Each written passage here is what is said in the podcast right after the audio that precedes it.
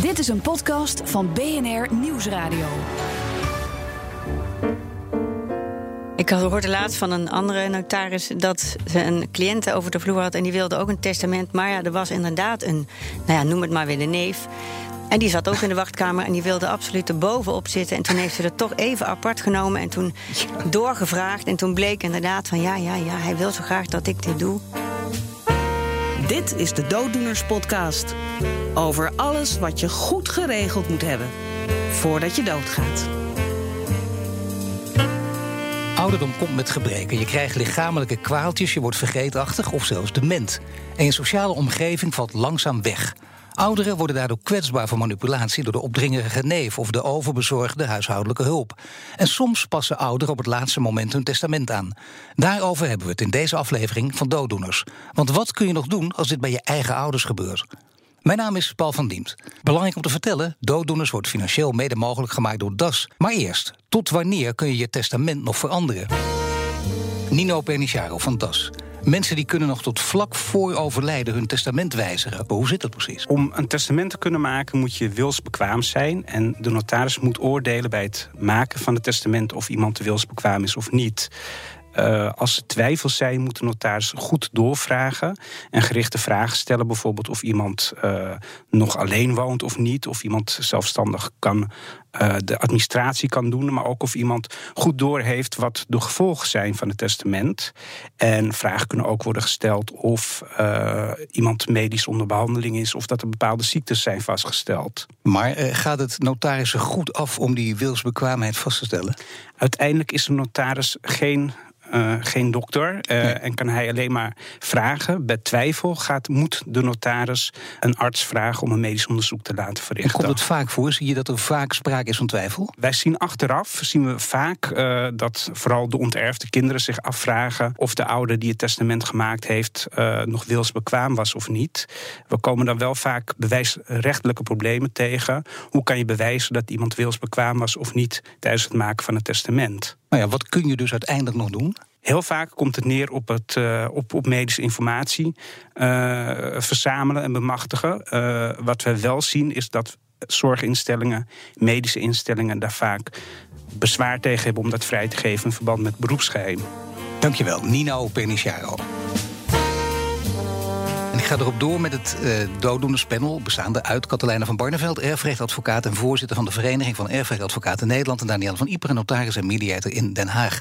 Katelijne, uh, in je eigen praktijk zie je wel eens dat het testament in twijfel wordt getrokken, omdat de nabestaande denkt dat bijvoorbeeld uh, de overledene door de buurjongen of een goede verzorger onder druk is gezet? Zeker, dat komt vrij regelmatig voor.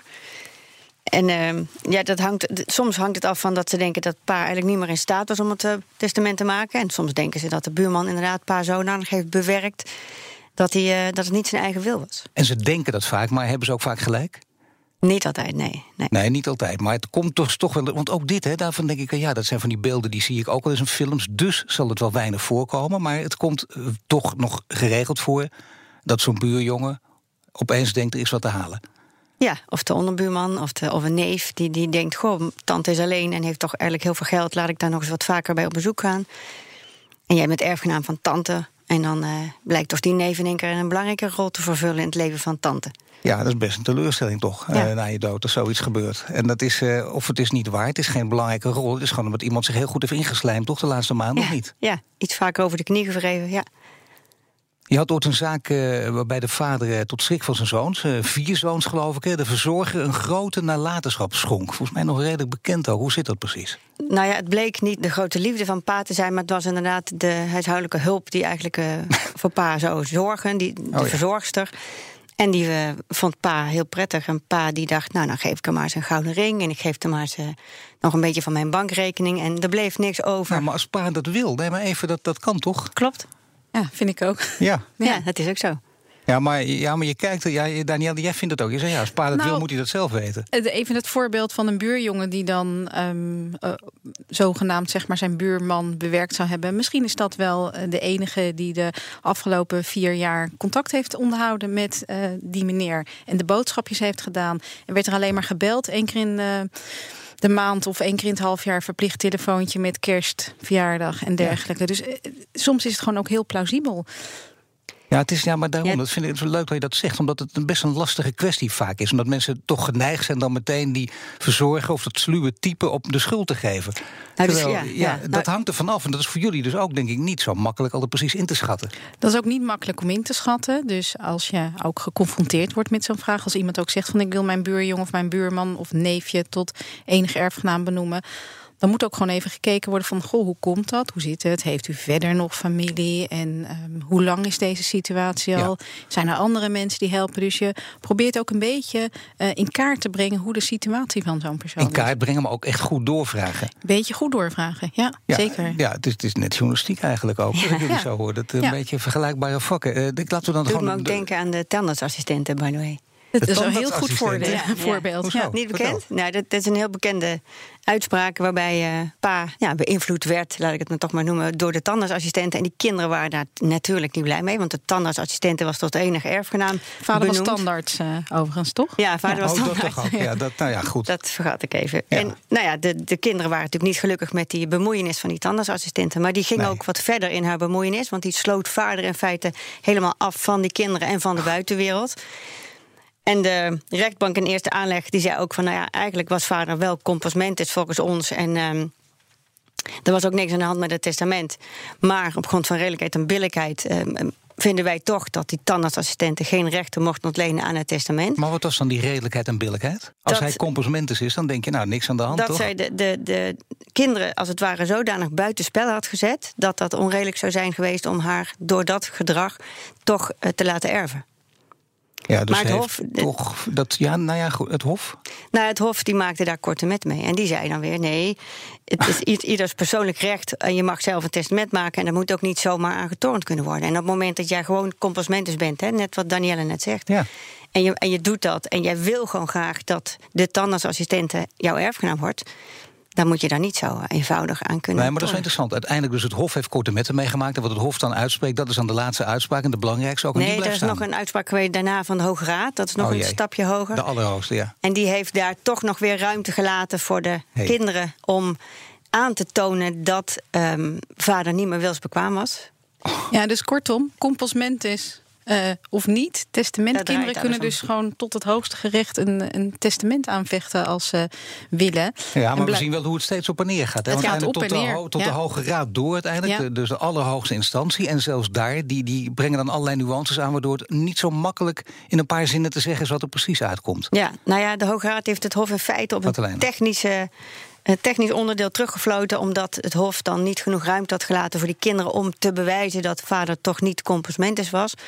En daar, eh, dat was zeg maar een dubbeltje op zijn kant. En toen is het teruggegaan naar het Hof Amsterdam, meen ik. Maar daar is nog geen eh, nieuws van gekomen. Dus het is nog niet helemaal afgelopen. Oh, dan moeten we nog even afwachten. Ja. En, en hoe lang gaat dat duren? Hebben jullie enig idee? Ik bedoel, is het een kwestie van een paar maanden nog? Nee, nee, nee. Maar het is dit- wel aan- het dit is wel- dat wel iets wat Jaren. langer duurt. Dit is al een zaak die echt al een aantal jaar loopt. Dus eigenlijk Oh is dat ook heel heftig. Want zo'n testament aanvechten betekent dus ook dat je eh, jaren bezig kan zijn. En wat is er ook- met die erfenis gebeurd? Die is er al lang vergeven of niet? Nou, die, staat staat waarschijnlijk in depot ergens. Staat ergens in de post, staat on hold. Ja. Nee, maar dat is natuurlijk een hele bizarre situatie. Dus Ja. niemand kan daar wat mee. De Nee. kinderen niet, de, de Dus tandartsassistenten. dan krijg je meestal een schikking tussen de kinderen en de assistenten. misschien is dat wel gebeurd. Het kan ook nog dat we daarom niks meer hebben gehoord. Danielle, jij, jij stelt samen met die ouderen dus vaak een testament op. Ja. Dan, dan merk je dus of ouderen zich wel of niet vaak laten misbruiken. Door iemand die Ja. opeens lief voor ze wordt. Dat, dat kan je nooit natuurlijk, daar kan je nooit helemaal je vinger achter krijgen. Maar ehm, wat ik altijd probeer is om zo'n ouderen in de eigen omgeving te eh, bezoeken, zeg maar, dus thuis. Want dan voelen ze zich vaak veilig. Ja. En we zetten neef, nicht, buurman of eh, desnoods het eigen kind, wat de moeder probeert haar tot enige erfgenaam te maken, even op de gang. Ja. En dan gaan we even rustig praten. Maar wacht, zet je even op de gang en dat gaat ook vanzelf of niet? Ja hoor, als ik dat gewoon uitleg. Ik vind het vaak ook wel even prima als een kind er de eerste tien minuten bij is. Want dat is gewoon ook even een kwestie van acclimatiseren en even eh, nou ja, vertrouwen opbouwen.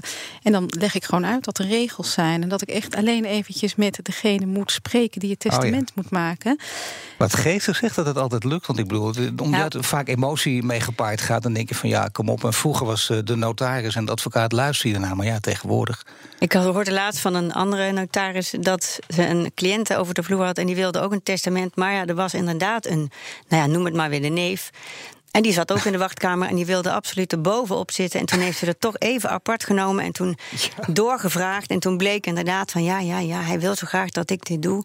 En toen zei ze, zei ze ja, maar zullen we het dan gewoon niet doen? Nee, nee, dat kan niet, want dan, dan wordt Ja. hij boos. En toen heeft ze gezegd, nou weet je wat, dan passeren we gewoon. Dan komt hij gewoon volgende week weer terug zonder de neef. Dat Maar denk je dus soms ook, ik moet eh, misschien Danielle maar een beveiliger meenemen voor de zekerheid, of niet? Nee, daar maak ik me verder geen zorgen om. En Nee. ik, als het zo uit de hand gaat lopen dat, eh, dat ik me ook onder druk gezet word, dan zeg maar, gaan we het een andere keer proberen. Maar Dit werkt zo eventjes niet. gezondheid, die geestelijke gezondheid is heel belangrijk. Want je mag je testament of vlak voor je dood opstellen, nieuw opstellen of wijzigen nog. klopt. Dus ja, eh, dan lijkt het heel belangrijk om te beoordelen of je helder van geest bent. Hoe beoordeel je dat als notaris? Nou, we hebben een, eh, een keurig eh, stappenplan. En Nino van Das die zei dat netjes al. Dat proberen we een beetje na te lopen. We zijn natuurlijk geen artsen. Gelukkig, Dat gelukkig dat ik dat niet ben. Ieder zijn eigen vak. Ehm, nou, we proberen gewoon te kijken of we met mensen kunnen praten. En of ze weten wat voor dag het is. Waarom ze ergens zijn. Of ze medicijnen hebben. En ehm, ja, Of ze ook wel eens eh, op een grote sterfbed. instelling zitten. Ja. Maar is, is jouw ervaring tot nu toe, want je hebt het natuurlijk vaker meegemaakt, dat je dat ook bijna altijd goed hebt ingeschat? Ik vind het Ehm, namelijk heel erg lastig, ja, ook in een vind ik heel interview. erg lastig, Dan zit je ja. ook wel eens tegen iemand en denk je, is er nou wel of niet iets aan de hand? En Ja. dat is best gevaarlijk eigenlijk. Nou, ik, ehm, ik sta zit. achter elk testament wat ik gepasseerd heb. ehm. Met iemand waar er zeg maar potentieel zeg maar een niet compasmentus of wel compasmentus geval is. Dus uiteindelijk maak je wel heel even- Mag ik overwogen toch even persoonlijk maken? Want als ik nou iemand interview van zekere leeftijd... en ik denk, nou wacht even, dit is de laatste keer geweest... want er moet iets aan de hand zijn. En niet uit Ja. lulligheid, maar gewoon, dat, Ja. dat komt echt vaak voor. Ja. En dan zit je soms naast en soms niet... en ik weet het nooit precies. Ik ga vaak te raden toch ook bij collega's... die misschien een soort gelijkervaring met dezelfde persoon hebben gehad. Nou, je ziet iemand niet één keer, dus je ziet iemand twee keer. En, en ah, bij twijfel kan je ook nog ehm, getuigen meenemen, collega's meenemen. Een En arts inschakelen gewoon. En een inderdaad, als je echt helemaal twijfelt, dan is er gewoon een arts, eh, via artsen. Die worden dan Ja. ingeschakeld en die geven een verklaring af. En dan weet je als notaris zeker dat je goed zit. Ja. Weiger je wel eens om een, eh, om een testament aan te passen... als je denkt, wacht even, deze meneer of deze mevrouw... die is niet meer helder van geest. Ja. Ja, Dus dan, dat, maar dat lijkt me ook wel lastig, want dan... dat is voornamelijk pijnlijk voor degene die erom gevraagd heeft... of voor de kinderen die erom gevraagd hebben. Ik heb ook wel eens een keer gehad dat ik met iemand zat te praten... en dat er op het eerste gezicht ehm, eh, niks aan de hand leek... totdat iemand zei van, verrek, is pa al dood? En ik zei ja, al anderhalf jaar. Nou, dat wist ik niet. En toen begon die mevrouw te huilen. Maar dat, en ik heb eh, eigenlijk gedurende het hele gesprek had ik niet het idee, zeg maar, dat er. eh, nou, ze wist welke dag het was, ze wist waarom ik kwam, enzovoort, enzovoort. En dan zie je toch van mensen onthouden vaak de dingetjes die er net gebeurd zijn. En kunnen heel goed over een ver verleden vertellen, over hun broers of zussen. En ehm, nou, hoe ze vroeger geleefd hebben. Dus het komt wel eens voor. Ja. Maar uiteindelijk Dat je- mag jij weigeren, ook als iemand zegt... eh, het kan me niet schelen wat jij zegt, ik betaal, dus eh, voer me uit. Nee, ik heb een ministerieplicht als notaris. Dus in principe moet ik, eh, als iemand mij vraagt om een testament voor hem op te maken, moet ik een testament opmaken. Maar als het overduidelijk is dat iemand niet in staat is om een testament op te maken, ja, dan houdt het op. En die twijfelachtige testamenten, Katelijne, zijn die makkelijk aan te vechten of niet? Alles komt aan op bewijs. Dus als, als jij zegt, ik, ik eh, betwijfel dat mijn eh, vader of moeder eh, een geestelijke stoornis had of wist wat hij deed op het moment van testeren, dat moet het op dat moment zijn. Dan moet jij gaan aantonen dat dat niet zo was. En dan zul je met verklaring moeten komen van artsen die verklaren dat je vader niet meer compensmentus was. Of dat het kantje woord was. Of, of je moet echt aantonen, en dat is, daarom is het zo'n lastige casus. Vaak, daarom lukt het niet zo vaak, dat op dat moment van testeren dat iemand echt niet wist wat hij wilde. Alleen, eh, dat moet je dus doen voordat iemand overleden is. Want na het overlijden, dan kan toch ook blijken dat iemand in de laatste fase van zijn leven misschien heel, hele gekke dingen gedaan heeft. eh, Zoals eh, schenkingen ongedaan maken of allemaal schenkingen gedaan. Of iemand onterft, bijvoorbeeld ja. zonder toestemming van vrouw of iemand onterft. En, en kan, kun je dan nog iets wijzigen of niet? Of is het dan gewoon, er staat in een testament wat er gedaan is, ook al zijn het rare dingen, kun je niks meer aan veranderen. Nee, het staat in het testament. Maar de erfgenamen die dan zeg maar de dupe zijn van het testament, bijvoorbeeld, eh, hij, Ja. bedoel, hij, be- hij benoemt de buurvrouw tot enige erfgenaam, of de tandartsassistent. En de erfgenamen zeggen: ja, maar dat, dat testament kon hij onmogelijk nog maken op dat moment. Die hadden wel zelf erfgenaam willen zijn, want op het moment dat dat testament weg zou vallen. En dan kom je weer uit bij het versterferfrecht en die kinderen erfgenaam, bijvoorbeeld. Dus die kinderen hebben er dan belang bij om dat testament onderuit te halen. En dat gaan ze dan ook proberen. Nou, zullen we bijvoorbeeld uh, die schenkingen die allemaal gedaan zijn don, zonder toestemming van de vrouw bijvoorbeeld, opeens in een, uh, weet ik veel, in een, in een, korte periode. En dat kun je gewoon op een rij zetten. Dan denk je, wacht even, het is allemaal gebeurd drie maanden voor de dood van vader. Dan, dat is al reden voor twijfelachtigheid. En dan mag je testament, mogen de erfgenamen mogen er iets uh, mee proberen te doen, of niet? Ja, in dat geval denk ik eerder aan het vernietigen van die schenkingen nog. Maar dat kan ook nog. Dat kan ook, klopt. Ja, maar je nog, kunt ja. ook, um, als jij denkt van nou, hij doet in één keer, hij, hij schenkt in één keer als een vermogen weg, kan nooit de bedoeling zijn geweest. Dan kan je dat proberen. Ze, ze proberen het. Iedereen die belang Het wordt wel heeft, makkelijk maar groot geroepen hoor. is. Van, ik, ik, ik ken mijn vader, die had dit nooit gedaan. Ik uh, ken uh, mijn oom en die had dit nooit gedaan. En ik weet zeker dat, uh, dat, nou, dat er iets gespeeld heeft. Maar dat hij dit nooit zelf gewild Ja. heeft. En als het, als het drie ton weggeschonken is en je- het kost jou 5000 euro of 10.000 euro om daarvoor te procederen, waarom zou je het niet proberen? Ja, Zo ja, maar dat is, het. toch- ja, dat is wat anders. Soms kan het ook. Dat is ook voor jullie, eh, aan jullie om in te schatten. Hè, of iemand dit, eh, en dit gebruikt, dat strategie is. Wat ik me heel goed kan voorstellen. Maar ik kan me ook voorstellen dat iemand dat echt serieus meent. Ja. Ja, maar dan moet hij het ook zeker gaan aanvechten, vind ik. Als hij echt serieus meent dat dat het geval is. Eh, dat kan. Hè. Het, het kan zijn dat wij ook niet als notaris de vinger erop hebben kunnen leggen... dat iemand echt gedwongen is door een neef, nicht, kind of wat dan ook, Ja. zeg maar. Dat kan. Maar voordat Ja. je het gaat aanvechten, vind ik het wel belangrijk om even de feiten op een rijtje te zetten. Wat heb je überhaupt om het aan te tonen? Want als je eigenlijk alleen maar vermoedens hebt, ja, dan is het zonde van je geld. Dan moet je er niet aan gaan beginnen. Maar hoe doe je het als die vermo- vermoedens zo groot zijn dat je denkt: ik doe het, of in ieder geval het gaat om zoveel geld, ik kan het altijd proberen.